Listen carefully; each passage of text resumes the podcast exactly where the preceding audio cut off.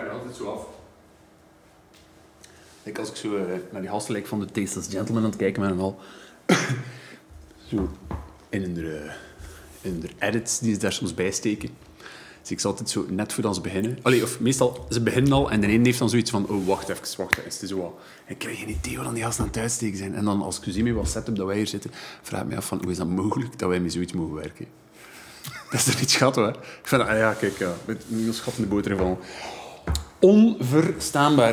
Wat denkt u? Gaan we dat doen? En zijn wij ons al in de beurt van, nee? Oké, we zijn... I eh, regret this instantly. Ehm voel je er goed bij? ik voel er mij vrij goed bij. Beestig. Ik, eh, het, is, het is bizar. Ik voel mij... Het is gelijk of dat ik voor de allereerste keer terug een DJ-set ga doen. Het is echt waar. Mooi. Ja? Maar dat is goed, dat is goed. Dat is zo deels het, het spannende van, oh shit, wat moet ik hier nu doen? Terwijl dat je wel weet wat je aan het doen bent. Maar toch is het nog super nieuw. Het is, het is super nieuw. Het is, het is, ik, voel mij, kijk, ik, voel mij, ik voel me wel een beetje een vis in het water, maar het voelt, het voelt vrij goed. Maar hoe, hoe, hoe wijs is dat niet om zo weer helemaal opnieuw aan iets te mogen beginnen?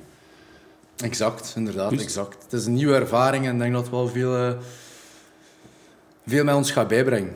Ik denk dat het op zich al een mooie intro kan zijn. Kan je niet anders? Wauw, kijk, per ongeluk zijn we dat hier al aan het doen. Meta! Ja, ja, ja, ik zie aan het doen zit. We gaan er gewoon aan beginnen. Hè? Gaan we gewoon aan beginnen. Mooi. Het is gewoon gelukt. Het is gelukt. Het is gelukt na eh, veel vijven en zessen. Eh, en toch al genoeg werk ingestoken zijn. Het is begonnen met een heel simpel idee uiteindelijk van een podcast te doen. ehm, bijna een drietal maand geleden.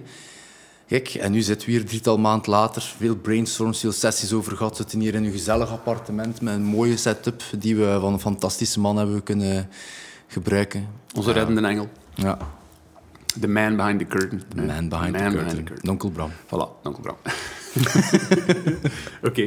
Ehm, ja, en wa- waarom, waarom zitten we hier? We zitten hier eigenlijk... ehm, we gaan even een frame of reference moeten scheppen, denk ik, ehm, voor de mensen die ons niet kennen. Ehm, ik ben Jeff, ik ben 29 jaar, Jeff Willem. Ik, eh, ik zit al dertiental jaar, organiseer ik feesten, events. Eh, en binnen het frame of reference van feesten te organiseren, heb ik enorm eh, de valkuilen van, van mentale gezondheid gezien. En die valkuilen waren voor mij duidelijk en soms heel onduidelijk. En ik ben uiteindelijk gekomen van, van om nu maar tussen te een soort van total nobody. Eh, gegroeid naar, naar, naar iemand die somebody was. En, en, en mensen geven u likes en mensen kijken op naar u. Mensen zien u staan op een podium en mensen zien van alles wat er gebeurt met u. En dat heeft enorm veel veranderingen in mij teweeggebracht. Want ik ben eigenlijk altijd iemand geweest die super onzeker was. Die oncomfortabel was met, met whatever type of podium, podiumvrees ook heeft gehad. Wat dat Toch wel. Ja, ja toch wel. En, en dat lijkt nu bizar, want als we nu kijken naar, naar ik die op een podium sta, en het, is, het is precies of ik ben ervoor gemaakt, zeggen sommige mensen Podium wel een keer. is van u. Maar dat is wel iets, dat is een proces waar ik enorm ben in gegroeid at the end of the day. Ehm, maar het is, het is ook eentje van veel valkuilen geweest. Want op een bepaald moment staat je op het podium en je zit eagle en mensen kijken op naar u en mensen willen ook iets om naar op te kijken. Ja. Ehm, en dat is waarom dat ik hier ben. Omdat ik heb heel veel van die valkuilen meegemaakt. En, en, en ik ga er ook nog veel meemaken, denk ik. Hè, want ik ben nog jong, Waarschijnlijk. waarschijnlijk. En dat is een beetje van, van wat ik doe, van, van, van al 13 jaar promotor te zijn, DJ te zijn, van andere DJ's te zien, achter de schermen te praten, ehm, op, op andere podiums gezien te hebben, feesten georganiseerd te hebben, heb ik daar heel veel in meegemaakt en ik herken daar ook heel veel patronen in. En. Dankzij de coronacrisis, dat is een heel moeilijke manier van iets te beschrijven, Mhm. is dat voor mij wel duidelijk geweest van oké, ik heb niks om te handen, ik, heb, ik, ik kan niet meer gaan draaien, ik kan geen feesten meer organiseren. Alles ligt stil. Ik zit thuis met zeeën aan tijd. En daardoor ben ik ook beginnen activiteiten doen rond, pot, rond, rond mentale gezondheid. Live Q&A's Ja. beginnen doen. Ehm, die hadden wel wat tractie. En, en ik had zoiets van, ik wil gewoon super graag de, de, de kennis en de observaties en de ervaringen die, die, die ik zelf heb gehad, om die naar buiten te brengen. En daar iets mee te doen. En gewoon andere mensen op een, op een, op een heel goede manier te helpen. And that's Door- where you come in the picture, I guess. Maar door delen van onze ervaringen, veronderstel ik. Door delen van onze ervaring, inderdaad. Eh, en, en, en wij zijn al, al zes jaar vrienden, want nu, nu, nu keer ik de vraag toch gewoon naar u. Waarom zijt jij hier? Ehm, een beetje in een gelijklopende reden als voor u. Eh, ik heb 15 jaar nachtleven achter de rug. 15 jaar als, eh, ja, als portier in, in het nachtleven gestaan. Al de lelijkste kanten gezien, maar ook al de mooiste kanten gezien. Ja. Ehm, de gelukkigste mensen, de ongelukkigste mensen. Maar vooral moet ik daar ook heel eerlijk in zijn. Dat ik eh, in die zee van emoties, in die zee van gevoelens, ook veel de gelukkigste en de ongelukkigste ben geweest. Ehm, Dat is eerlijk. dat is belangrijk. Dat is, de enige- dat is de, een van de hoofdredenen waarom dat wij hier zitten. Omdat wij ons open en bloot moeten kunnen stellen om daarover te praten. Want au fond, als wij dat kunnen, als wij dat durven, zou in principe iedereen dat mogen doen. Ehm, ik versta dat mensen daar niet altijd voor staan te springen, omdat ze denken van ja, maar ja, stel ik mij daar niet te kwetsbaar voor op? Ben ik niet, moet ik niet voorzichtiger zijn in wat dan mensen weten over mij? En dat is waar, dat is waar. Maar er is ook geen schande in van een keer toe te geven dat niet alles lukt. Dat je niet altijd oké bent, dat niet altijd even alles goed gaat. Ehm, maar als je doorheen die goede en die slechte ervaringen daar open en eerlijk kunnen zijn, de good en de bad, en daardoor nog keer mensen kunt helpen, daarvoor moet dat niet in een rechte lijn zijn, like, like dat wij vrienden zijn, hoe dat wij elkaar al in de voorbije jaren door dingen helpen. Maar moet dat ook zeker kunnen zijn in de mensen die soms met exact of toch parallele problemen zitten dan dat jij hebt. Maar precies doordat jij daar dan een keer over spreekt, doordat jij dat bespreekbaar maakt, dan zij misschien denken van... Ah, oei, ja, ik, ik herken daar wel een stuk in. Iedereen zijn verhaal is anders. Dat, is, dat is, ben ik 100% zeker. Dus zowel ik als jij... Ik wil niet voor u spreken, maar ik geloof wel dat wij niet gaan insinueren dat wij de oplossingen hebben voor alles. Nee. Wij zijn ook absoluut niet ehm, professionals binnen mental health, binnen omgaan met zo'n dingen. Maar wij zijn wel alle twee door ons struggles geraakt en zijn nog altijd door ons struggles, ons problemen, ons goede en ons slechte momenten nu aan het gaan. Ja. Je pakt dat heel je leven mee, right? Het is actueel ook voor ons. Hè. Ook corona heeft voor ons alle twee gevolgen gehad, voor iedereen gevolgen gehad, laat dat duidelijk zijn. Ehm, ik vond het wel interessant dat je zegt over die kwetsbaarheid, dat je dat direct ook, eh, dat je dat direct ook aanhaalt. Het is een beetje jammer. Hè. Eh, het, is, het is voor mij een observatie geweest en waar ik zelf ook lang ehm, zo erover gedacht heb, is dat kwetsbaarheid een zwakte is. Ehm, en dat is toch wel iets ja, toch wel iets zeer jammer. En dat is iets, wat denk ik, dat wij met ons twee toch wel een beetje willen tackelen. Dat, dat Ja. kwetsbaarheid toch wel echt een kracht is. En dat door ons kwetsbaar op te stellen, wat dat volledig menselijk is. En door, door, door een beetje een platform te bieden en, en, en te creëren, dat we daar wel een beetje kracht kunnen aan geven. En dat kwetsbaarheid wel degelijk echt een kracht is. 100% mee eens. En als ik, het, als ik nog, een nog een vraag aan u kan kunnen stellen. Waarom, waarom denkt jij dat we de luisteraar hun tijd verdienen? Dat is iets zeer delicaat. Dat, ehm, ik vind dat een fantastische vraag, omdat zeker in de dag van vandaag mensen zijn al zeer selectief in waar dan ze tijd en energie in investeren. Terecht ook, want er is een overaanbod van van alles. Maar dan kom ik terug neer op... Iedereen, iedereen heeft goede en slechte momenten. Ja. En je goede momenten kun je zeer gemakkelijk met alles en iedereen delen. Je slechte momenten daarentegen, veel minder. Je kunt wel zeggen van ik voel mij slecht, maar helaas zijn er ook zeer veel mensen die zelfs niet zeggen dat ze zich slecht voelen. Dus waarom dat ik denk eh, dat de mensen die dit zouden horen of bekijken, Ja. eh, hun tijd mogen en willen spenderen aan ons, is omdat wij zoveel mogelijk dingen willen bespreken die zouden kunnen vallen binnen de problemen waar je soms helemaal alleen mee zit. De problemen waar je helemaal alleen voor staat. Ook zelfs de problemen die je wel wilt uitleggen of die je zou, niet liever zou doen dan kunnen delen met iemand, maar daar de woorden niet voor vindt. Of zelfs niet het belangrijk genoeg vindt om te zeggen van kijk, dat is een probleem. Ehm, ik denk dat als wij open en bloot, super eerlijk eh, babbelen over hoe wij bepaalde dingen zien, waar wij zowel zelf mee geconfronteerd zijn, zelf soms mee afgezien hebben, ehm, dat veel mensen zich daar misschien, misschien zeer relatable kunnen in voelen. Ja. Van, ah, ik ben daar ook geweest, ik heb dat ook gedacht. En is het niet zo, hebben zij een andere mening, is dat ook goed. Want dan kunnen zij ons dat ook terugspelen Voilà. en kunnen we daar ook over babbelen. Ja, dat vind ik een hele goeie. Je zegt het woord relatable. En relatable, dat is voor mij een beetje het, het, het woord waar ik, waar ik elke dag wel aan denk in 2020. Relatable, relatable. En dit is een beetje de reden waarom, waarom ik mij hier zo goed in voel om dit samen met u te doen. Om ons, om, om, om ons daar kwetsbaar in op te stellen. Want we, hebben hier natuurlijk al, al, we zijn hier al maanden over aan het babbelen. Is dat wat ik hier wat dat voor mij een, een, een factor is, wat die mij extra motiveert, is dat als ik één iets zie wat, dat, wat dat niet positief is voor de mentale gezondheid van veel mensen, dan is het vaak celebrity culture. Ja. Ehm, en wat ik bedoel met celebrity culture, eh, dat is iets waar ik zelf een heel klein beetje van proef, maar by all means. Ik, ik, ben, ik ben een total nobody op dat vlak, maar ik heb op mijn eigen microschaal heb ik ook een aantal mensen die naar mij opkijken. En als er iets is waar ik, waar ik een, een, een hekelen is een groot woord, maar waar ik soms wel lastig mee heb, is, is celebrities. eh, en we, we, consumeren bijna allemaal celebrity content. Ik denk dat we er straks nog een beetje meer gaan over babbelen, over consumeren op social media, right?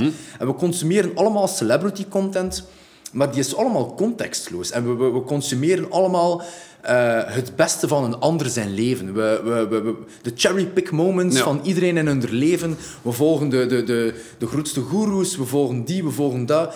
En het, het probleem dat ik daar een beetje mee heb, is dat we dan, eh, is dat we dan uitschakelen. We, we, we zetten onze gsm af, we stoppen met kijken op tv, we, we slaan het magazine toe. Ja. En er is ons eigen gelezen en we denken in ons eigen, fuck maat. Is dat maar. Ja. Mijn leven is wel shite. Ja. Eh, celebrity culture, het is, het is allemaal goed en wel, maar welke rol speel ik hierin? En ik denk dat het wel een bepaalde kracht heeft. Het is iets wat ik trouwens ook heb gezegd op een livestream eh, met, met dank aan Universiteit Antwerpen. Is dat, ik denk dat het wel een krachtig signaal is als mensen zoals ik, en ik spreek nu even voor mezelf, maar ik denk dat ik waarschijnlijk voor u kan spreken, als mensen zoals ik, die een bepaald aanzien hebben, zeker in Gent, waar dat mensen naar opkijken, als ik kan zeggen van, hé, maar gasten, ik voel mij soms ook wel echt een keer slecht. En Ja. niet soms een dag, soms een week. Ik heb te maken gehad met depressie. Ik ben daar moeten uitklimmen. Vaak, vaak met u, maar ook op andere tools, met psychologen. En ik denk dat het wel een krachtig signaal kan zijn dat we kunnen sturen met deze podcast en, en met wat dat we met Onbespreekbaar willen doen. Om te kunnen zeggen van... We staan wij ook allemaal op een podium, we pakken ook wel de fame, maar op het moment dat wij van dat podium stappen, stappen en dat wij thuiskomen en dat wij in de spiegel moeten kijken, moeten wij ook content zijn met wat wij zien. Je moet met je eigen kunnen leven op zo'n momenten. moet met je eigen kunnen leven. En dat vind ik een heel... En, en dat is voor mij de reden waarom dat ik hier ben, maar waarom dat ik ook denk dat we, dat, dat, dat we de aandacht verdienen van de persoon die nu aan het kijken of aan het luisteren is. Shout-out. Ja, ja. Ehm, dat is voor u. Dat is speciaal voor u. eh, speciaal hij die nu aan het luisteren bent. En hij die nu aan het kijken bent. Ehm, dat we denken van, we hopen ook dat je die, die relateerbaarheid een beetje gaat kunnen hebben. En dat je die, die, die, iedereen voelt zich eenzaam op zich zijn eigen manier. En we denken soms van onszelf, dat is toch iets wat ik voor mezelf vaak ervaren heb, van niemand weet hoe dat ik mij voel. Maar ik heb het, heb het geluk gehad dat er honderden mensen, een paar honderd mensen zijn geweest de laatste maanden die mij berichten hebben gestuurd van Jeff, ik zie dat je open staat voor mentale gezondheid, laten we hierover babbelen. En het gaat over eenzaamheid, het gaat om, om een negatieve spiraal. Het gaat om, om depressie, het gaat om, om afgunst, het gaat om heel veel psychische problemen die er zijn. En ik, ik, ik, heb, ik heb nu het geluk van daar een klein beetje de patronen in te zien. dus, dus voor de mensen die, die op dit moment kijken en, en, en die zich eenzaam voelen of kampen met depressie of wat dan ook, eh, heel veel problemen hebben, is hopelijk dat we, dat we in, in de komende episodes, dus dat we die mensen echt een beetje waarde kunnen bieden van wow, ik voel mij niet alleen. Ik ga er een keer over spreken met, met, met ons, Ja. met, met, met, met, met uw mama, met een Tuurlijk. psycholoog, met whoever. Met Maar- eender wie. met eender wie. Ja. En als wij zo'n dingen een paar procentjes meer bespreekbaar kunnen Ja. maken, dan denk ik dat dat een winnaar is. Dan, dan hebben wij daar al voldoening aan. En dan hebben wij daar al Want- voldoening aan. Ik, ik spreek nu even ook voor mijzelf, maar ik denk dat dat misschien ook wel zeker bij u het geval is. Eh, er zijn zeker momenten geweest dat ik veel te lang helemaal alleen mijn probleem aan het oplossen was. Zeker. En het ergste daarin is dat je met veel momenten, zeker als je ehm, met zeer veel mensen in contact komt, maar daarvoor niet veel vrienden of niet veel inner circle persoonlijk contact hebt en, en, en waardevol persoonlijk contact hebt met mensen, eh, dat je een soort façade van alles is oké, ik ben sterk, ik ben gelukkig, alles gaat mij goed, eh, opzet. Ik ga niet zeggen moeten opzetten, maar daar ergens voor kiest van kijk, dat is mijn, mijn eh, automatisch schild die ik opzet, dat niemand zich moet druk maken van oei, het gaat misschien niet goed en daar moet op doorvragen. Terwijl dat u echt wel miserabel kunt voelen. En daarvoor moet je zelfs niet weten waarom dat u super slecht voelt. Eh, maar als je dat alleen moet doen, is dat onbegonnen werk. Absoluut. Want je twijfelt ten eerste al aan de reden van mag ik mij wel slecht voelen? Eh, is het wel belangrijk genoeg waarover ik mij slecht voel? Want elk probleem is, is proportioneel even erg. Iemand die over iets ongelukkig is, die dat tegen u zou zeggen, waarvan dat jij denkt van, oh, amai, daar heb ik mij nu nog nooit slecht over gevoeld, wil dat niet zeggen dat dat niet het ergste is voor die persoon die u dat zegt. Ja. Dus die taboe moeten we allemaal laten vallen. We moeten allemaal zeer open kunnen zijn, zeer eerlijk kunnen zijn en mogen ons kwetsbaar opstellen om gewoon tegen iedereen duidelijk te maken van kijk, als jij vindt dat hij met iets zit, als jij vindt dat u niet goed voelt, laat dat weten. Zeg dan een keer. En niet, niet, je moet niet denken van, oeh, maar als ik dat ga zeggen, is gaan ze denken dat ik het doe voor aandacht of voor interessant te zijn. Dat maakt allemaal niet uit. Als jij je gemeend slecht voelt, daarmee opstaat, daarmee gaat gaan slapen, Voilà. dat laat wegen op je dagdagelijks leven, deelt dat met iemand. Voilà. Dat is een beetje het, het, het, het kindjes in Afrika-principe. Dat is iets wat ik, wat ik zelf met mijn eigen psycholoog vaak heb ehm, eh, besproken. En dat, is, dat, dat, dat kan soms heel zwart-wit gaan. We kennen natuurlijk allemaal mensen die, die hun mini... ehm, die, die, die de, de mini-kleine probleempjes van oh my god, de, het is amandelmelk in mijn latte, om het nu maar heel cliché ja, te beschrijven. Whatever, het is wat er is. Ehm, ik heb vaak het probleem gehad, het kindjes in Afrika, van ja, maar het zijn zoveel mensen die het zoveel slechter hebben van mij. Ehm, het zijn, het zijn, er, zijn, er zijn mensen die geen benen hebben. Om, om het nu maar even... Maar ik heb wel echt zo gedacht, dat klinkt nu heel drastisch, mijn uitspraak, maar ik heb zo gedacht van, "Ga, waar moet ik nu in godsnaam over gaan spreken? Oké, dat is waar, maar dan natuurlijk, als je te lang in die gedachtegang vastzit, het is nooit zo slecht dat het niet slechter kan gaan. Hè? Dus er is wel een moment dat je een keer je eigen daarin moet tegenkomen en zeggen van, oké, misschien is dit echt wel een probleem die ik moet aanpakken. Misschien ben ik wel ongelukkig genoeg om erover te babbelen. Wat, ik vind, ik vind een, een, een, hele actuele eigenlijk, is dat iets wat ik heb gezien onder heel veel DJ's onder mij. En low-key, als er DJ's of, of, of artiesten, en er gaan heel veel gelijkenissen zijn voor, voor heel veel mensen, is dat bijvoorbeeld... Oké, begin met de coronacrisis en ik dan heb het echt over de eerste twee, drie, vier weken. Alle boekings vallen weg. En niemand wist nog hoe groot dat de storm ging zijn van de cancellation van bijna eigenlijk volledig 2020, right? Alles was weg. Alles was weg. En dan komt er zo dat ene moment waar ik als DJ...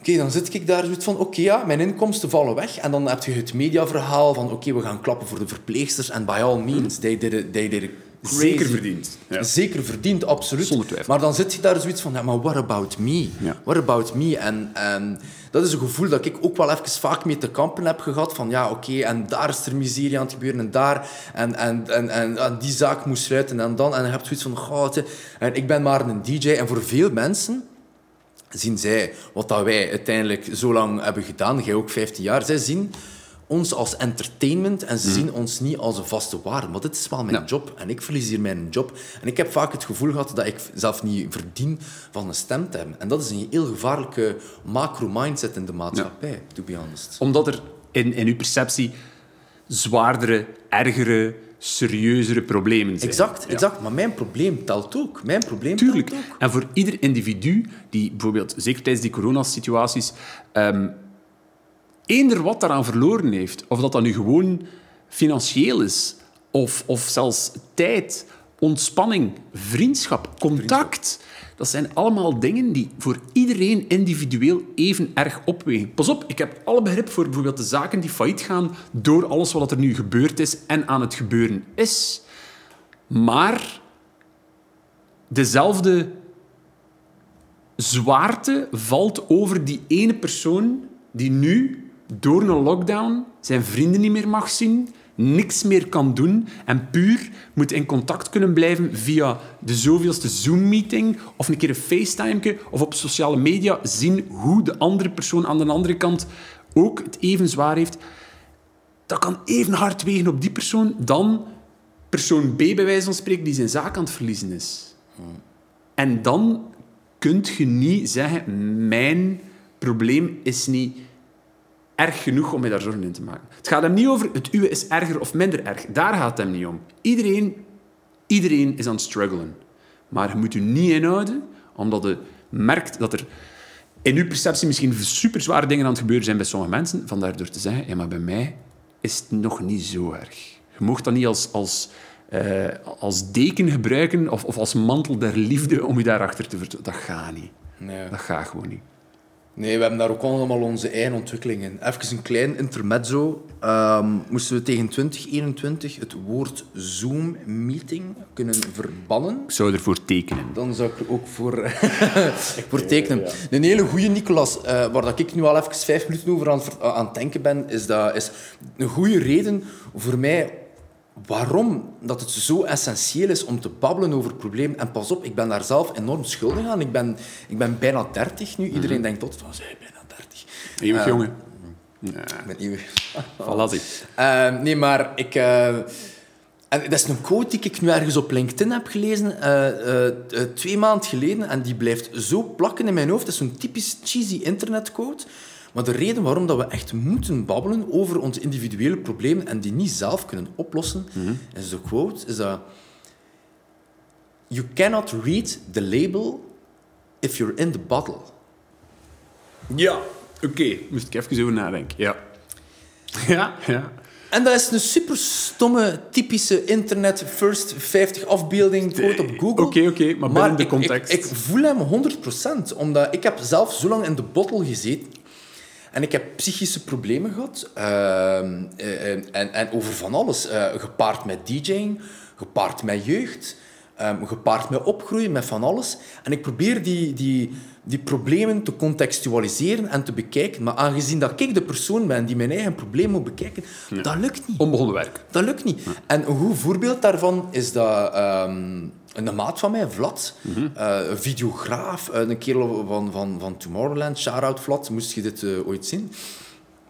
Dat, ehm, ik heb met hem een, een een live Q&A gedaan op Instagram, waar andere mensen op aan het kijken zijn. En hij had daar een heel goede opmerking over nadien. En dat, dat bleef mij wel plakken. Hij zei, het heeft mij enorm veel deugd gedaan om, ehm, om te babbelen met mij. Waarom? Omdat ik ken hem, we kennen elkaar, maar we kennen elkaar professioneel. Ja, ja, ja. We zitten alle twee in nightlife. Niet persoonlijk, dus, persoonlijk. Dus we zien elkaar oh, eh, eh, s- eh, s'nachts en, Ja. en op festival. En ja, alles goed, ça va, En altijd in een Binnen die bepaalde... setting. Binnen die setting. Maar overdag, op een zaterdag, gelijk dat ik en jij vandaag doen, not as much. Nee. Right? Not as much.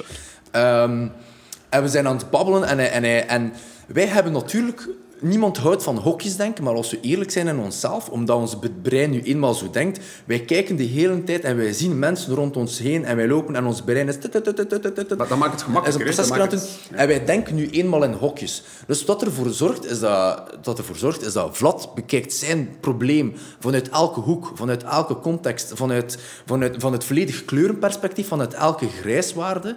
Ehm, en ik kan zijn probleem soms eigenlijk maar heel zwart-wit bekijken. En omdat ik heel radicaal over zijn... eh, voor de luisteraars, ik heb net met mijn vinger eh, haakjes gemaakt. voor de mensen die- gedaan. Een airquote gedaan. Voor de, de videokijker heeft dat gezien. Ehm, Vlad ehm, heeft, heeft zijn... Ik ben nu al mijn taal kwijt. Dus, jij zei dat je zeer radicaal kunt kijken naar zijn probleem. Bij u is het zwart-wit, terwijl dat hij heel veel verschillende kleuren van... Allee, schalkeringen grijs in zijn problematiek ziet. Inderdaad, inderdaad. We gaan ook merken voor de komende episodes dat Nicolas een beetje het anker zal zijn in mijn chaos, zoals dat hij zelf Dat helpt, dat helpt Dat perfect. helpt. Merci We doen dat samen, vriend. Voilà. Ehm, wel, en omdat ik nu heel zwart-wit kan kijken naar, naar, naar zijn issues, kan ik daar soms ook wel een heel zwart-witte uitspraken over doen. En wat is het, wat is er zijn heel veel nadelen aan zwart-wit uitspraken, aan zwart, zwart-wit denken. Ik denk dat die nogal obvious kijken als we kijken, zijn als we kijken naar de media. Maar waar dat het voordeel daaraan is, is als ik iets zeg tegen Vlad, en, en hij, hij denkt van, ah wel, dat is nu een keer totaal niet waar, Oké, ja.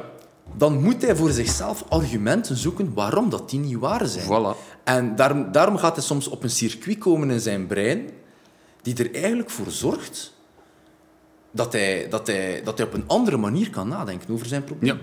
Dat hij misschien op... Allee, z- veel van zijn problematiek kan relativeren naar in van... Waarom heb ik dat zo lang zo bekeken, nu dat dat door iemand anders eens naar mij toe terug wordt gebracht? Exact. Oké, exact. Dan versta ik het juist. En dat is wel... ehm, Dus ja, ik vind dat... Ik vind dat dat zijn al allemaal een paar directe voorbeelden, een paar, een paar, eh, een paar leuke dingen waarom dat we hier zijn, waarom dat we hopelijk willen dat mensen doen.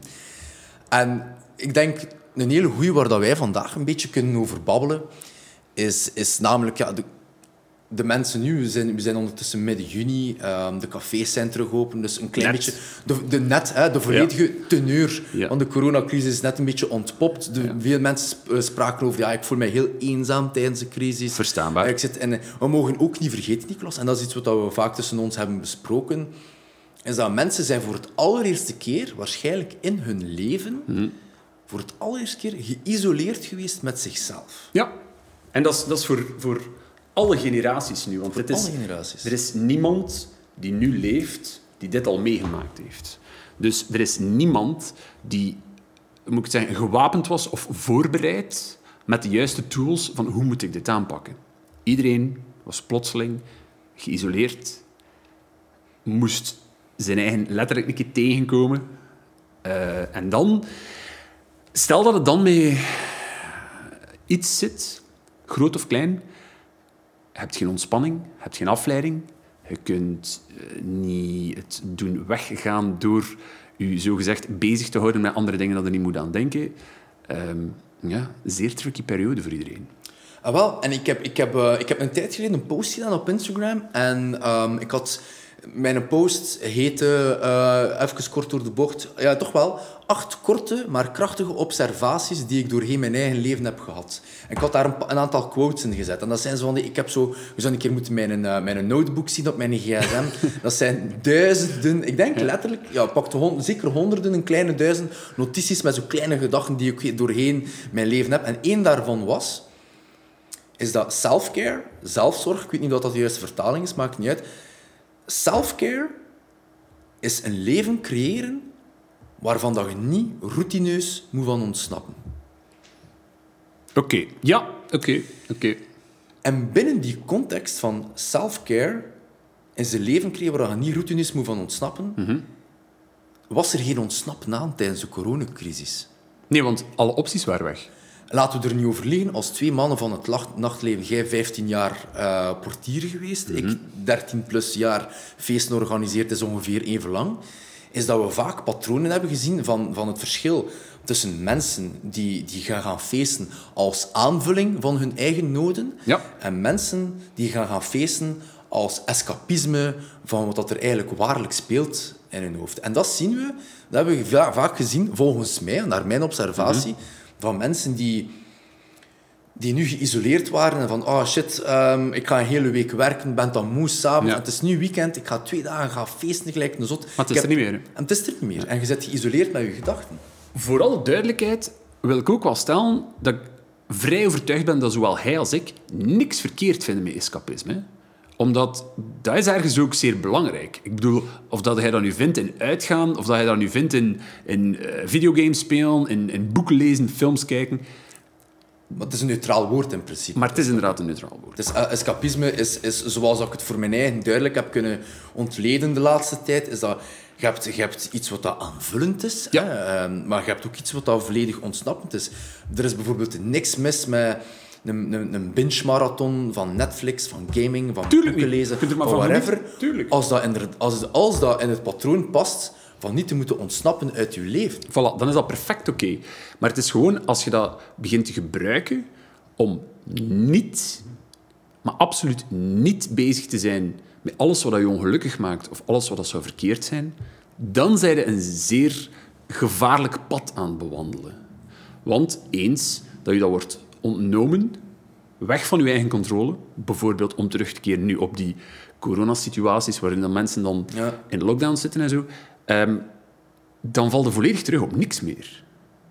En er is een groot verschil, denk ik, tussen mensen die zeggen van amai, ik mis het van met mijn maat een keer een pint te gaan drinken. Ik mis het uh, van een keer wel, naar een museum te gaan. Uh, ik mis het van een keer naar de cinema te gaan. Eh. Als dat gewoon voor je amusement is en als dat gewoon iets is die inderdaad aanvullend is, maar als je dat mist omdat je dat nodig hebt om anders door je dagdagelijkse sleur te geraken, ja. hoe moet je het dan oplossen? Ja, inderdaad. Ik denk dat dat wel iets is wat, we, wat we uitvoerig gaan kunnen bespreken doorheen de episode heen en waar ik echt super excited op ben om dat te doen. Omdat, oké, en het, het, is, het is voor ons één ding om die observatie te kunnen aanhalen, maar tell me the fucking solution, Nicolas. En, en daar... Ben nog niet. wel, nee, tuurlijk niet. Ja. Maar, maar voor mezelf is dat, is dat eigenlijk een een, een, ongoing proces van, van een, een, een persoon te zijn waar dat ik gewoon op mezelf kan terugvallen en, en helemaal tevreden mee zijn. En nogmaals, dat is een proces, dat is een oefening, dat is hetzelfde met te vergelijken als... als uh, mensen zijn daar ook veel te hard voor voor zichzelf. Mensen ik kan een gesprek hebben met mensen twee maanden geleden over van, van ja, maar ik denk als je dit doet en dit doet en dit doet, dat je ruimte kunt creëren voor mentale verbetering. Ik denk van, ah, oké, great, cool. Mhm. Love it, thanks, chef. En een week later, ah, chef, het lukt me niet, ik voel mij slecht. En ik zeg, oké, maar wait a minute, wait a minute. Als jij, ik zeg niet maar, uh, eh, 70 kilo weegt en je wilt zeer graag beginnen zwaar trainen in de fitness, hè, mhm. En je krijgt een beeld voorgeschoven van ja, ik wil super buff worden en super gespierd worden en CLA. Dat is net hetzelfde. Dat gebeurt ook niet op een week. Je doet dat door te trainen, ja. door te oefenen, door consistent te zijn. En door vallen en, opstaan. En door vallen en, en jezelf niet een super bad time te geven als, je, de, als je naar de gym gaat, of, of, of een keer niet gaat, of naar de gym gaat en niet je normale routine kunt doen. Nee, want op fond doet het ook niet om je slechter te voelen. Hè? Nee, voilà. Dus voilà. ja, voilà. Voilà, inderdaad. En dat vind ik... Dat is zo'n zo beetje de routine. Is dat self-care en mentale gezondheid, is dat dat voor mij? Dat is nu een proces. Het is, het is, het is bijna oncomfortabel voor mij om dit, om dit plein publiek zo toe te geven. Maar ik ben eigenlijk al in, um, in psychische behandeling sinds ik acht jaar ben. Oké. Okay. Uh, eh, dat is heel vroeg. Ja. En look at me now. Hè. Er zijn nog dagen dat ik, dat ik u opbel en zeg... Niklas, vandaag gaat het niet zijn. Um... Maar dat is ook volledig verstaanbaar. Kijk, ik, ik ben ondertussen 40. Ik word er binnenkort 41. Hè. En ben toch wel al zeer tevreden dat ik er vrede mee genomen heb van te verstaan dat er geen oplossing is. Dat er niet altijd een standaard oplossing is dat plotseling alles opgelost is. Want ik heb eh, zeker in de voorbije tien jaar met momenten mijn eigen ergste vijand geweest. Super zelfdestructief geweest. Um, ook als er mij oplossingen werden voorgeschoteld of voorgelegd, daar niet altijd onmiddellijk voor gegaan. Maar dan de momenten dat het goed gaat, en de momenten dat u beter voelt, en de momenten dat u probeert te werken aan, aan wat er scheelt, of dat dan nu met hulp van professionals is, of om, met hulp van vrienden of mensen rond u die om u geven. De momenten dat het beter en beter gaat, mogen niet plotseling denken van, ah kijk, het is opgelost. Ik ben plotseling onkwetsbaar. Ehm, ik, ik moet naar niks meer kijken. En daarom, zeker met dat hij nu zegt dat ook al vanaf uw acht jaar daarmee bezig bent, dan maakt het eigenlijk ook iets die je mocht dragen met trots, omdat er nog mee bezig bent. Het zou veel slechter geweest zijn, Jeff, moest je op een bepaald moment voor je eigen uitmaken en je eigen voorliegen van te zeggen, ah voilà, ik ben perfect in orde. Er scheelt niks meer. En er gaat nooit niks meer terugkomen. Want ik, ik persoonlijk, ik heb ook fantastisch goede momenten gehad en fantastisch slechte momenten gehad. Maar trots komt altijd voor de val. Zeker bij mij. Ik heb echt een paar mijlpaal van momenten in mijn leven gehad dat ik door eigen trots, door eigen hubris, zo te denken van, oh, maar kijk, ziet, nu, nu is het allemaal oké. Nu kan er mij niks meer raken, het gaat wel goed komen. Maar je, je moet daar rationeel ook over zijn ja. dat aan je self-care werken, beter voor jezelf zorgen, voor je mentale gezondheid, voor je mental well-being, dat dat een, iets is die de hele leven gaat doen. Ja. Heavy.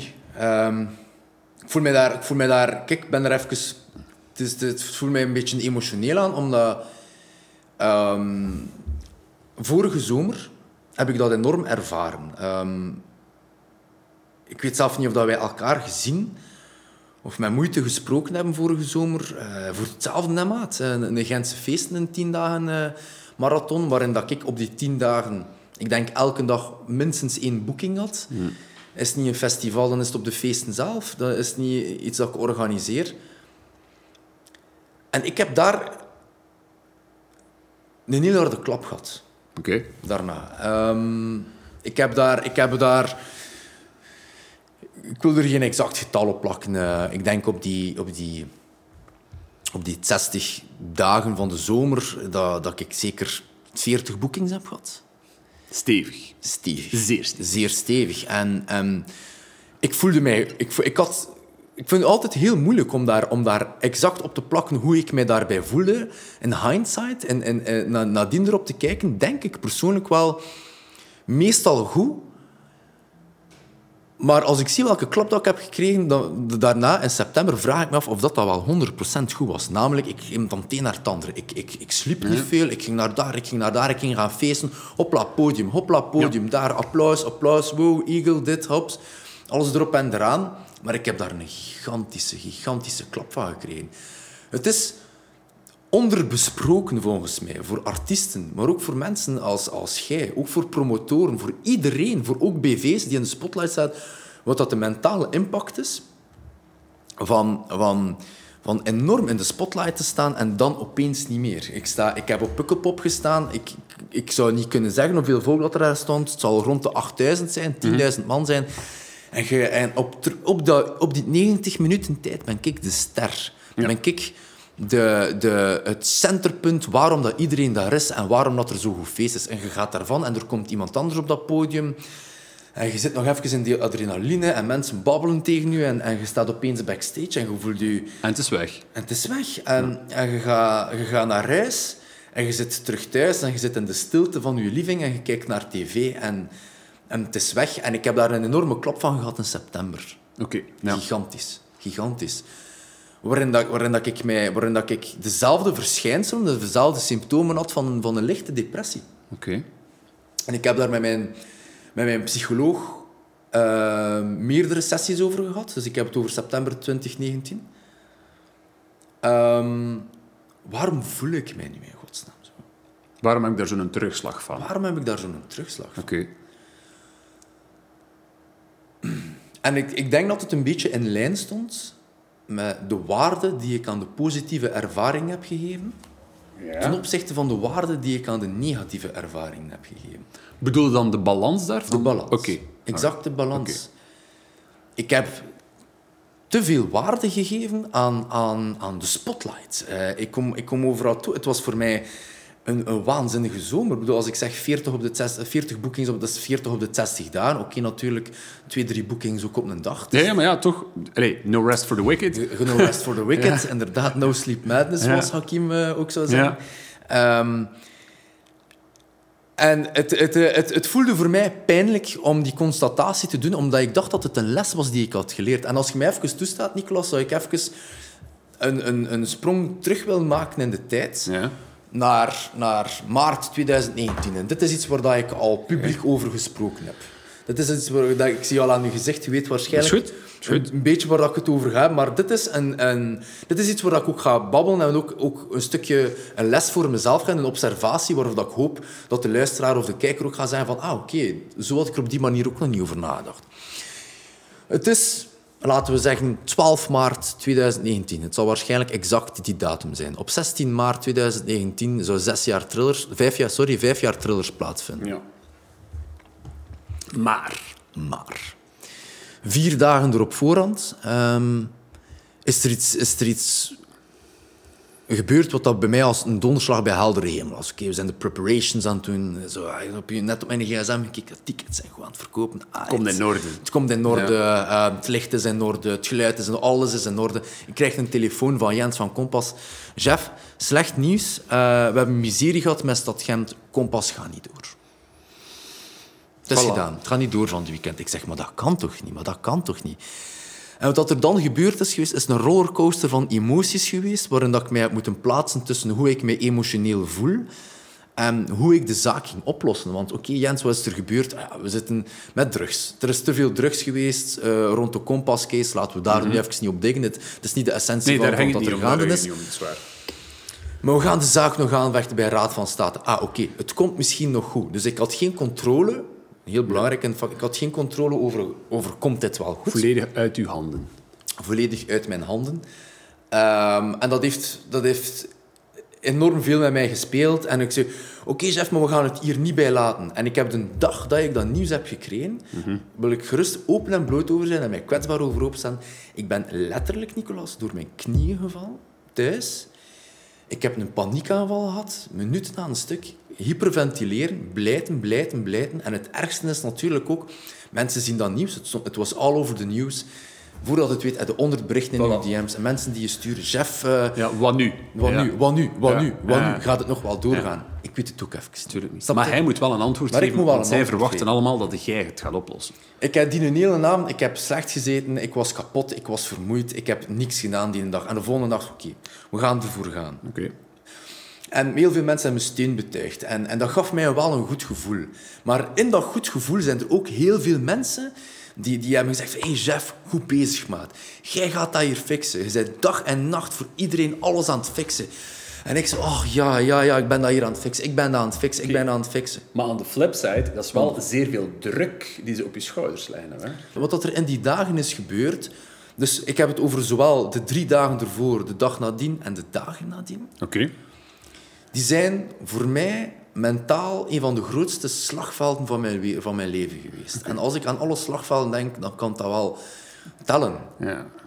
Concreet, wat is er gebeurd? Ik luister naar opinies. Ik heb geluisterd naar meningen. En voor elke persoon die zei, Jeff, you're the fucking goat. Jij bent de man. Jij bent de gast die onze cultuur aan het redden bent. Was er wel een guy die zegt, ah, moet hem daar een keer zien. Met zijn tattoos op zijn Schaamt hand. hem niet. Ja. Schaamt hij hem niet? Ja, want je weet hoe dat ze... Je hebt ook tattoos, hè, Mhm. Niklas? We hebben alle twee het stigma meerdere keren ervaren. Hè? We hebben gemakkelijker een slechte eerste indruk dan een anders. Ja. Exact. En het was voor mij zo verleidelijk om zoveel harder op te gaan in al die negatieve ervaringen. En ik ben daar, Nicolas, dood eerlijk, kapot aan. Maar dat is ook volledig verstaanbaar, Jeff. Want helaas gaat zowel jij als ik, als, als iedereen die dit hoort of ziet, ook moeten toegeven dat je moogt nog 100 positieve comments krijgen. 100 keer worden gezegd van Amma, ik vind je fantastisch en je doet dat goed en ik ben blij dat je dat aan het zit op die manier.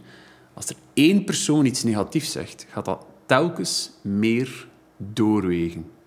Want die 100 die u iets positiefs hebben gezegd, of die achter u staan, of die geloven in u, gaan er niet voor zorgen dat in een ene die u door het slijk haalt, niet de, het gevoel geeft van, ja maar wacht, wat doe ik dan verkeerd voor hem? Wat meer moet ik nog doen om ook hem gelukkig te prijzen of gelukkig te stellen? En zeker in uw situatie die je toen had, om toch thrillers te kunnen voortzetten zoals het hoorde.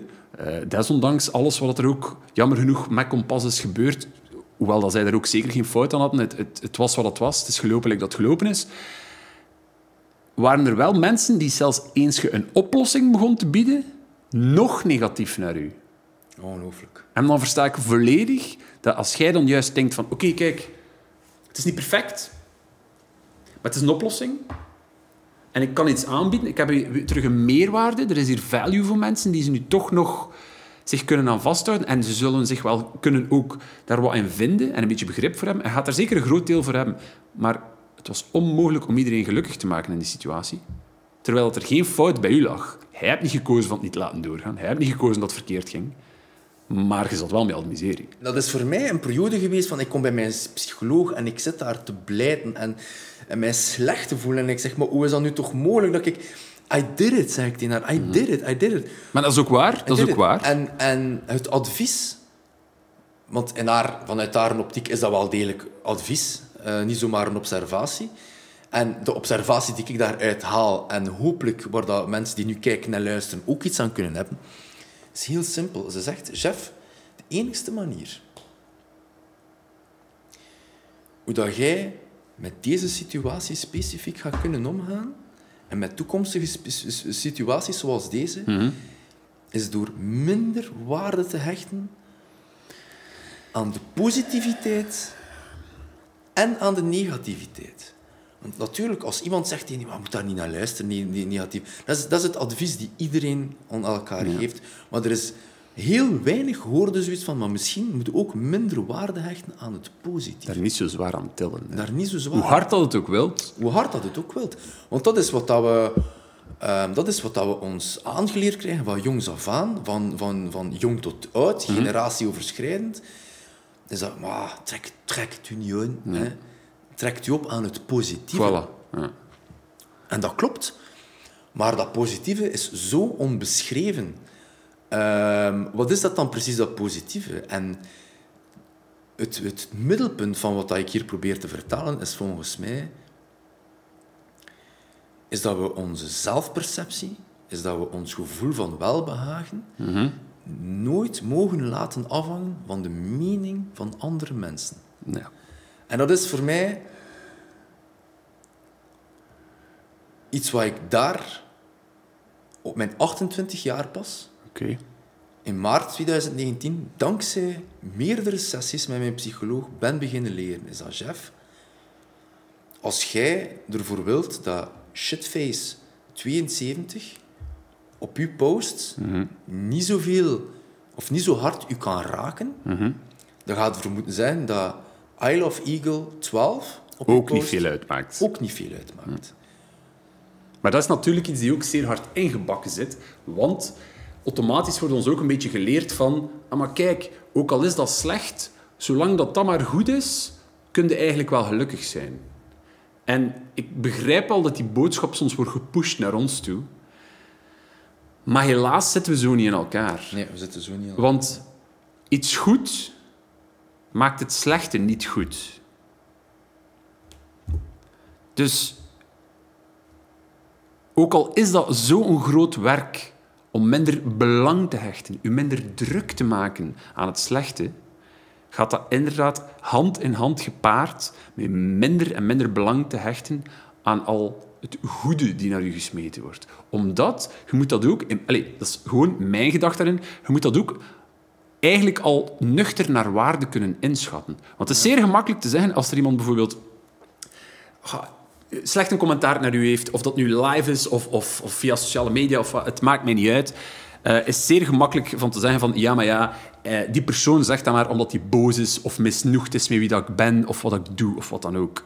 Eh, dus dat zal wel zo niet waar zijn wat hij aan het zeggen is. Maar au fond, ook goede comments goede dingen die naar u worden gebracht, zowel live als via sociale media, zijn ook niet altijd zo 100% eerlijk. En er is op fond daar niets verkeerd mee. Tuurlijk gaan mensen die bijvoorbeeld goed willen staan met u, u ophemelen en alles wat je wilt. Maar wees daar dan bijvoorbeeld echt nuchter genoeg in om te kunnen zeggen van oké, ik weet van wie dat komt en ik weet waarom dat het zegt. En eigenlijk, dat, wat ik net gezegd heb, geldt voor alle twee de kanten. Mensen die slecht over u praten en mensen die goed over u praten. Je moet dat naar waarde kunnen schatten.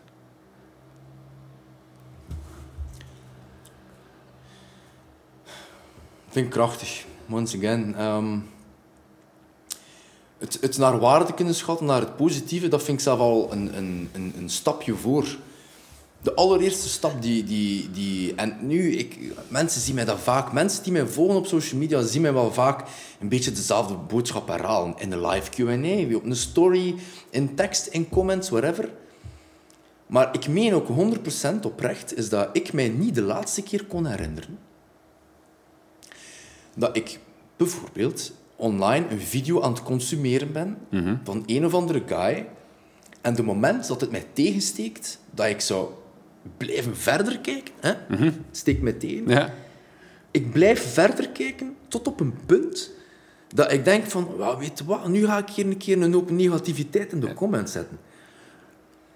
Dat perspectief van mij dat wel in te beelden, Ja. is voor mij een gamechanger geweest en realiseren dat moest ik die tijd wel hebben om, om daar allemaal naar te kijken hoe negatief ben ik wel niet ingesteld in mijn leven. Of, of, of hoe, hoe slecht gaat mijn, ziet mijn leven er wel niet uit als ik de tijd heb om negativiteit op andere mensen in comments te zetten. Maar er is, er is een, quote die ook zegt dat, dat mensen die het... ehm, die, die, die, die het... Dat is, dat is een geëikte uitspraak, die, die, de relatieve uitspraak. Maar mensen die het beter aan het doen zijn, of mensen die constant voor een doel aan het vechten zijn, Ja. die hebben zelf de tijd niet to talk down on you. Nee, en op zich is dat... Ik ging eigenlijk inpikken daarin van... Als je de tijd en de energie wilt investeren om negatief te zijn, om negativiteit over te zetten op andere mensen, zou je toch eigenlijk ook echt een keer mogen stilstaan met na te denken over moest ik nu die tijd en die energie op een andere manier besteden, wat zou je ook niet kunnen verwezenlijken? Maar in de plaats van, like dat naar iets te kijken, tot op een punt dat het niet meer aangenaam vindt of niet meer goed vindt, maar toch verder te kijken, om dan achteraf te kunnen zeggen van, ah, maar deze vind ik slecht, of trekt op niets, of alleen wat zijn die nu aan het doen, of wat is de dienen aan het zeggen, of wat is de dienen aan het brengen. Maar in de plaats van die tijd en energie daarin te steken, van die negativiteit over te brengen op die persoon, moest jij dan bijvoorbeeld, als je daar een idee over hebt, zelf kunnen investeren, van zelf iets te brengen op een goede manier. Moet daarvoor niet de juiste manier zijn, dat maakt niet uit. Maar het gewoon te proberen. Ja. Ja, dat vind ik een goeie. Ik, ehm, ik, zou, ik zou uw observatie daar ook wel een keer willen weten. Is dat, is dat, hoe gaat jij om met, heel, met een situatie van, van negatieve kritiek? Wat- Ik moet natuurlijk wel in eerste instantie daar heel eerlijk over zijn dat ik bitter weinig, tot de dag van vandaag, ehm, negatieve kritiek krijg op sociale media. Waarom? Omdat ik ook zo goed als niet aanwezig ben op sociale media. Ehm, ik ben sowieso al een zeer privé persoon, tot de dag van vandaag. Eh, maar gewoon omdat ik dat ook niet zozeer gebruik. Ik, ik moet daar eerlijk in zijn dat ik ook niet altijd even goed altijd alles begrijp daarin. Dat terzijde. Nu, negatieve, negatieve kritiek en negativiteit in real life, eh, daar heb ik genoeg van gekregen voor, ik denk, ongeveer vier of vijf levens. Nu, zeker binnen de job die ik dan zo lang heb gedaan, eh, het was altijd mijn schuld. Ik was altijd de bad guy. Omdat ik ook mensen die soms al kwaad waren, ongelukkig zijn, eh, soms nog dingen moest ontnemen of slecht nieuws geven. En ook al proberen dat zo goed mogelijk te brengen, ook al proberen daar tactvol, diplomatisch in te zijn, zelfs vriendelijk op een manier. Er is een groot verschil met als je ziet dat er iemand niet gelukkig is en iets verkeerd zou doen binnen de opgelegde regels, zelfs al zijn dat niet mijn regels, en naar die persoon te gaan en te zeggen van... Wat kan ik doen voor u? Of wat scheelt er? Dan nog kunnen die super negatief uit de hoek komen. Nu, ik zou liegen moest ik zeggen dat ik zoiets niet meeneem naar huis. Ja. In die 15 jaar ben ik zeker met momenten diep ongelukkig thuisgekomen. Heb ik zeker soms in de spiegel staan kijken en gedacht van... "Wa- waarom doe ik dit nog? Ja. Dus ben ik nu letterlijk aan het, aan het babysitten op mensen die morgen terug met hetzelfde probleem gaan komen. Maar dat is een veralgemening. Want de negativiteit die ik soms over mij kreeg, was soms ook zeer situationeel gebonden. En in the heat of the moment, zou ik maar zeggen. Want veel mensen die soms eh, binnen mijn werk dan, zou ik dan zo gezegd hebben, negatief waren tegen mij, kwamen daar soms op terug, kwamen soms letterlijk achteraf zeggen van hey, kijk, excuseer, ik was fout, of, of, of "Oh, ik had zo niet moeten reageren, ik had zo niet moeten doen. En dat vind ik heel wat anders. Dat vind ik, dat vind ik fantastisch. Dat, dat geeft u Moet al- food for thought. Moet al wat sterker voor in je schoenen staan. Tuurlijk, en ik apprecieer dat enorm voor mensen. En fond heeft dat zelfs niets te maken met nightlife of heeft dat niks te maken met een situatie van eh, een klant tegenover een portier of, of, of een DJ die even een issue heeft met een klant. Of, dat heeft daar niks mee te maken. Dat is gewoon van mens tot mens. Exact. Je kunt letterlijk, of dat nu binnen familie, binnen vrienden, binnen kennissen, zelfs mensen die absoluut elkaar niet kennen. Stel dat je negatief bent tegenover elkaar, lomp bent tegenover elkaar, gemeen, kwetsend zelfs. Als je kunt toegeven van, amai, ik was daar fout in, En ik wil me daarvoor excuseren. En daarvoor moet je niet op je knieën vallen. Dat maakt allemaal dan niet uit. Het is gewoon, gewoon het toegeven dat er een fout was. Dan kun je daar zoveel terug mee recht zetten. Zelfs ik, ik, ik ook. Ik, ik heb zeker genoeg fouten gemaakt. Ik vind dat daar zeker ook eerlijk moet kunnen in zijn. Maar waar dat ik het soms zeer moeilijk met heb, is negativiteit voor gewoon negatief te doen. Ja. En dat is iets die ik denk... Ik, ik besef zeer goed dat dat iets is die je zowel eh, via sociale media ziet of, of bij wijze van spreken in YouTube-comments ziet. Mensen die het gewoon doen om negatief te zijn, die zelfs nog niet gekeken of geluisterd hebben naar wat het is om er te beginnen op lastig doen. Eh, ik, ik heb letterlijk onlangs, eh, een paar dagen geleden, hebben Run the Jewels een, nieuw album gedropt. Die, die ik ook geweldig vind. Ja. Niets dan liefde voor die twee. Killer Mike en LP zijn persoonlijke helden. Maar die een album was nog maar gedropt. En ik wist dat er mensen waren die onmogelijk al naar alles konden geluisterd hebben. En die waren al negatief bezig. Ja. Die waren al aan het zeggen van hoe opportun, eh, hoe opportun dat ze waren en hoe, hoe dan ze probeerden de situatie uit te buiten die momenteel aan de hang was. Ik ook gelezen. Dat is negativiteit om negatief te zijn. En om aandacht te krijgen. Zeer goed punt. Ook zeer goed punt. Om zo te zien van, kijk een keer hoe edgy dat ik ben, kijk een hoe dat ik durf negatief zijn in deze situatie, dus geef mij wat aandacht. Dat zijn, like dan zeggen de trolls of life. Eh, die mogen terug onder een brug kruipen waar dan ze veilig zitten. Ehm, maar je hebt ook heel veel mensen die echt zo in het leven staan. Je hebt echt heel veel mensen die graag negatief door het leven gaan. Misschien omdat die ongelukkig zijn. Misschien omdat er daar zelf iets niet 100% juist zit. En daar is niks verkeerd mee. Maar wat er wel zeer jammer is, is dat voor hun... Wat dat voor hun een uitlaatklep is, is dan negatief te zijn tegen mensen. En dat is iets waar ik het zeer moeilijk mee gehad heb. Want ik heb ook in het verleden soms zeer veel negativiteit over mij gekregen van mensen die echt ongelukkig waren of slecht in hun vel zaten. Ik heb dat dan zeker wel willen incasseren. Of dat dan nu binnen mijn job was of persoonlijk. Ja. Ehm, maar het moment dat je daar het patroon begint in te ontdekken, dat dat gewoon negativiteit is om negatief te zijn, begin je een enorm gevoel van onrechtvaardigheid te krijgen. Want Onrechtvaardigheid. En... Wel, onrechtvaardigheid in de zin van, omdat ik dan tijd en energie aan het steken was in iemand, Ja, oké. om naar zijn of haar negativiteit te luisteren en daar aandacht aan te geven. Terwijl dat er eigenlijk met die tijd en energie Ja. andere mensen konden geholpen worden. Mensen die tellen voor mij, mensen die belangrijk zijn voor mij.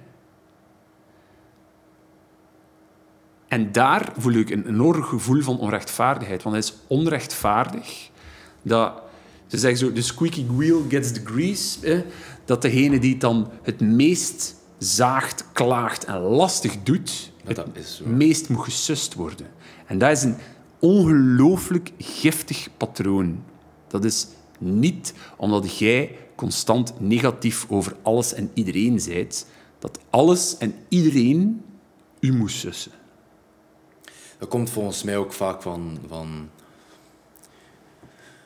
als, je, als we daar heel concreet over nadenken, is, is heel veel mensen zijn zo onzeker over hun leven en, en hebben zo weinig gevoel voor empathie en zijn zo slecht voor zelfreflectie dat ze niet weten hoe dat ze positivisme moeten in de we- wereld brengen.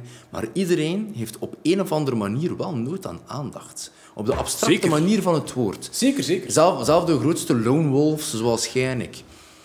Maar als je het niet op een juiste slash positieve manier kunt krijgen, ja, negatieve aandacht is ook aandacht. Hè. Maar het is vooral ook gemakkelijk. Het is gemakkelijk. Je weet van, als ik iets eh, niet populair ga zeggen of, of eh, niet aangenaam ga doen, gaan de mensen zien wat ik doe en gaan ze daarop reageren. Dat is letterlijk het schreeuwende kindje in de snoepwinkel of speelgoedwinkel die zijn goesting niet krijgt. Ja, dat is een mooie vergelijking. Maar dat kunnen niet meer doen als volwassenen. Helaas lopen er nog zeer veel kleuters rond. Ik, wil, eh, ik zou, als het u toestaan is, zou ik even heel graag willen inpikken op iets wat je daarnet in uw verhaal vertelde over ehm, toegeven, dat je fout waart, ehm, is echt iets underrated in onze maatschappij. Ehm, iets wat ik zelf ook, maar dan heb ik het meer over mijn tienerjaren wel, want ik ben altijd, ik doe altijd wel veel aan zelfreflectie. Veel mensen van ons hebben het gevoel dat, ehm, dat als we ons gedacht veranderen, of als we onze fout moeten toegeven, dat we daardoor zwak zijn. Ja. Dat slaat op niets. Dat slaapt op niets, nee, inderdaad. En ik wil dat even aankaarten in het kader van, van, van, van kwetsbaarheid, omdat we volgens mij wel al even aan het babbelen zijn nu in, in onze eerste episode. Ehm, ik denk dat er niets zo krachtig is als beseffen dat je fout waart over iets en je gedacht willen veranderen. Oké. Want er zijn te veel mensen in mijn omgeving, en ik wil er geen percentage op, maar het is een heel groot percentage van mensen die dingen doen in hun leven en dan zoiets hebben van... Fuck, dat was hier niet de juiste Wat heb keuze. ik nu gedaan? Wat heb ik nu gedaan? Dat heb ik niet de juiste keuze. Omgekeerd, on the flip side, zijn er te veel mensen die zodanig dingen overdenken, die denken van, ik ga het niet doen, want, wat als, het mijn, want als het mijn ding niet is, dan ga ik mijn gedachten moeten veranderen en dan ben ik zwak. Want we lijken alleen mensen te, te belonen in onze maatschappij die volharden, die, die, die bij, bij één stuk aan, aan een stuk blijven. En dat vind ik heel jammer, want ik denk dat er heel veel kracht te verzamelen valt, of heel veel kracht te vinden is in toegeven dat je fout bent, toegeven dat het niet juist is en de kwetsbaarheid daarin op te stellen. In kwetsbaar zijn, in, in, in toegeven dat het niet juist was. Maar vooral, dat geeft je ook vrijheid. Want als je te vastgebakken zit in het idee van... Ja, maar nee, ik durf niet toegeven dat ik een fout heb gemaakt. Dan beperkt je je opties enorm. Want op het moment dat je kunt zeggen van... Kijk, daar heb ik super verkeerd aangepakt. Of daar ben ik echt in de fout gegaan en... en ehm, heb ik iemand zijn vertrouwen geschonden? Of, of heb ik iemand in de steek gelaten? Of, of heb ik door mijn mening belangrijker te vinden dan iemand anders zijn mening... Heb ik ehm, ja, gewoon fout gedaan? Als je dat niet kunt toegeven, als je dat gelooft, als je dat niet kunt toegeven, dan beperkt je ook je opties die je hebt om daar opnieuw over te praten of iets aan te doen. Of ook, eh, moet ik het zeggen, een mens te maken. Dus, dus dingen bij te leggen, uit te klaren. Je kunt letterlijk nog met iemand waar je echt ruzie mee gehad hebt, als je er opnieuw over babbelt, het oplossen. Met Ja. te zeggen van, kijk, ik heb misschien een fout gemaakt, ik heb het misschien verkeerd ingezien, maar hoe is dat gebeurd? Stel dat het in, in, of dat nu professioneel of privé is, een falling out hebt, of ruzie hebt, of, of meningsverschillen die volledig uit de hand lopen, dan kan het ook zijn dat beide partijen een fout hebben gemaakt. Exact. En dan gaat het u opnieuw veel meer opties geven met toe te geven wat dat er fout is gegaan. En letterlijk te kunnen zeggen van, kijk, ik was verkeerd in die situatie, maar au fond was ook de situatie verkeerd. Dat is een hele, dat is een hele goeie. Ja. En daar moet je ook soms samen kunnen aan werken. En dan gaat het hem niet zozeer over wie dat er niet gelijk heeft of niet. Terwijl dat je 100% verstaat dat er altijd mensen gaan zijn die zo dan zich op een manier aangevallen voelen en binnen die discussie hun gelijk willen krijgen. Maar soms is er echt geen gelijk. Soms is de situatie gewoon niet goed. En, en een, van de, een van de meest relatable voorbeelden die we kunnen geven, die waarschijnlijk iedereen wel een keer in zijn leven gekruist heeft, is gewoon relationeel. Ik was exact hetzelfde aan het denken. Voilà. Want als de, Wrong relatie, place, wrong time. voilà, als de relatie verkeerd gaat, brengt het ook niet op van te zeggen het is mijn schuld of het is uw schuld. Soms kon het gewoon niet meer. Soms was het niet het moment en is het niet meer gelukt. En dan moet je ook, ook daar kunnen over babbelen. Ik zou geen euro willen leggen voor elke relatie die gesneuveld is aan gebrekkige communicatie wanneer het wat moeilijker is. Ja. Eh, ehm, de, ik zal nu maar zeggen, bijvoorbeeld, eh, twee mannen zijn in een relatie en de ene ja, heeft een nieuwe job en er komt een hele pak stress bij kijken en de ene persoon heeft heel veel gezondheidsmiserie en het is eigenlijk vier, vijf jaar aan een stuk heel goed geweest, maar omdat ze zodanig weinig ervaring hebben wanneer het slecht gaat, wordt het slechter en slechter en ze reageren het op elkaar Ja. de relatie is gedaan, terwijl dat er zo, terwijl dat zo jammer kan zijn. Ja, Tuurlijk, jammer kan het. Jammer Het is ook jammer. Ja, voilà. Ja. Dat vind ik een hele goeie. En ik wil even terugkoppelen op, op, het, op, het, op waar dat we vijf of tien minuten geleden over bezig waren, over die kwetsbaarheid. Ehm, over dat we alle twee heilig ervan overtuigd zijn dat kwetsbaarheid een kracht is. En, en de luisteraar zal het nu niet weten, maar de kijker ondertussen wel. Ehm, we hebben alle twee een t-shirt aan waar er kwetsbaar op staat. Omdat we denken dat binnen ons framework van, van, van, ehm, van de titel Onbespreekbaar, all kudos to you trouwens, voor, voor de titel Onbespreekbaar. Het was per ongeluk. Ehm, merken we dat de grootste kracht om, om dingen bespreekbaar te maken, is een bepaalde vorm van kwetsbaarheid. Uh, iets wat we in het begin van deze episode ook hebben besproken met elkaar, is dat de moment dat wij ons kwetsbaar gaan opstellen en dat we toegevingen doen en aan zelfreflectie doen, is slechts zo kunnen we groeien als mens en in een framework terechtkomen van dingen die onbespreekbaar zijn, Voilà. bespreekbaar te maken. En dat vind ik een hele krachtige. En ik wil daarbij heel even af, afsluiten, zonder dat we de commerciële tour op gaan. Alleen voor mezelf niet um, een aandacht op leggen, is dat deze t-shirts die we nu aan hebben, uh, waar dat er kwetsbaar op staat, um, is dat we die uh, misschien tegen, tegen de tijd dat deze podcast online staat, zelf al, al te koop gaan zijn. Waarschijnlijk. Um, en dat we die te koop gaan aanbieden. Um, en we gaan niet kapitaliseren op de mentale gezondheid. Zo zijn we niet. Absoluut niet. We zouden ons daar ook helemaal niet goed bij voelen. En dat voor elke t-shirt die er verkocht wordt, um, is dat er 50% gedoneerd wordt. 50% eigenlijk geïnvesteerd wordt in, uh, in, het technische aspect van deze podcast, de huur van de micro's, voilà. uh, het, het, technische aspect, want ook dat kost geld. Uh, en de andere 50% gaan we rechtstreeks investeren in een goed doel rond mentale gezondheid, die een beetje zal veranderen naarmate het proces hoe dat wij voortgaan in deze podcast. Naarmate welke topics dat er ter sprake komen, kan het ook zijn dat dan verschillende goede doelen daar kunnen vruchtgebruik van maken. We denken ook dat voor het dragen van deze t-shirts, want, want ik heb deze t-shirts nu al een, een, klein maandje aan, denk ik, en mensen spreken mij erover. Wat voor een t-shirt had jij nu aan? En we, wij denken eigenlijk, of, of ik denk toch, om het zo te zeggen, mm -hmm. denk ik dat je toch wel een klein beetje sterk in je schoenen moet staan om een t-shirt aan te doen waar er kwetsbaar op staat. Want het yes. wordt nu eenmaal macro-maatschappelijk gezien Nog als negatief zwakte, bekeken. Ja. Negatief bekeken. Dus het is wel heel grappig dat zo, laten we het nu zo zeggen, een brie gelijk te jij, hè, Um, en, en, en, en een heel bekend publiek figuur at the end of the day. Want hoeveel mensen die er dit gaan bekijken, zullen nu ook wel niet herkennen. Ze, nog, hij is dan niet die gast van... Ken die de kop. Ja. Ken, ken die de kop en jij staat met mij. Zo, tja, en die gast en een t-shirt waar het kwetsbaar op staat. Ik denk dat je sterk in je schoenen moet staan om een t-shirt aan te doen wat er kwetsbaar op staat. En ik kan nu al zeggen, is dat ik draag deze met trots. En um, ik ga deze dragen zoals dat jij zegt. Ik ga deze dragen zoals een uh, second skin, zoals Ja. een tweede huid. Dus uh, dat is uh, my side of the story rond kwetsbaar. Wat dat er voor mij ook belangrijk is in het te kunnen dragen van letterlijk kwetsbaar op je borst, ehm, is als Jeff en ik dat kunnen dragen en ons letterlijk zo kunnen openstellen tot mensen die vragen van huh, waarom staat er kwetsbaar op uw t-shirt? Dat is super eerlijk, dat is super open.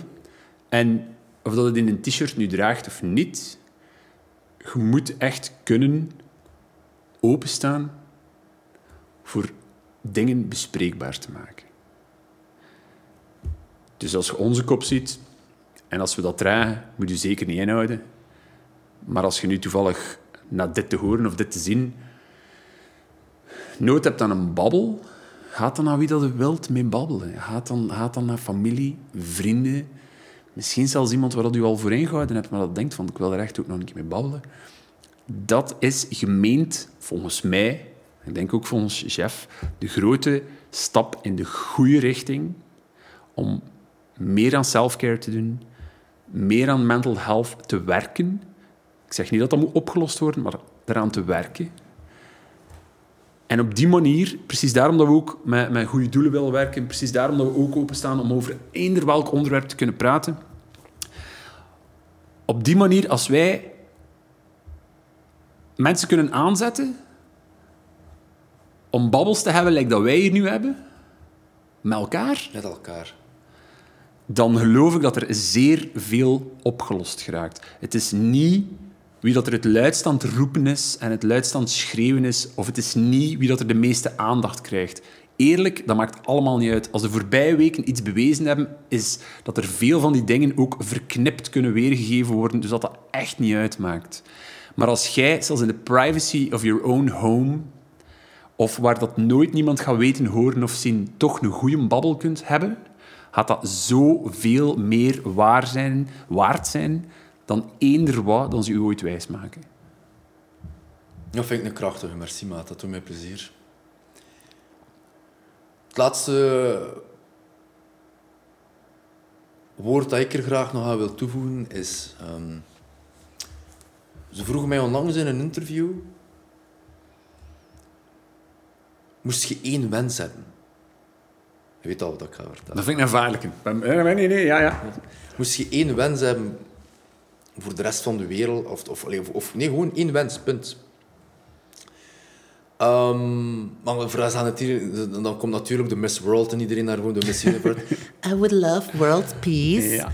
Ehm, en natuurlijk, I would love world peace. Maar world peace, vrede en liefde, is het resultaat. Dat is het uiteinde. Dat is het doel. Dat is het doel. Ja. Wat is volgens mij de ondergrond? Zelfbewustzijn. Dus moest ik één praktische, pragmatische wens hebben, dan is dat iedereen in de wereld meer aan zelfbewustzijn doet. En meer zelf is dat vanaf de basisschool. Ik ben nu natuurlijk geen onderwijsexpert. Is dat vanaf de basisschool? Is dat vanaf de middelbare school? Whatever. Is dat er een soort van vak is op school, mentale zelfontwikkeling, waarin dat het oké is en dat we gestimuleerd worden om aan zelfreflectie te doen. Om een beetje meer bewust te zijn van hoe en wat we in elkaar kunnen zetten. Omdat ik denk, als we beginnen met zelfreflectie, dan gaan we eindigen, hopelijk, met zelfliefde. En pas als we al onszelf graag zien, gaan we een ander graag zien. Het is ook onmogelijk anders. Het is onmogelijk anders. Van mijn kant, Nicolas, voor deze episode kan ik u zeggen enorm bedankt om deze ervaring met mij te delen. Ik voelde mij ten opzichte van het begin van deze episode emotioneel enorm fulfilled, Oké. vervuld, ehm, enorm positief Super. en heel dankbaar.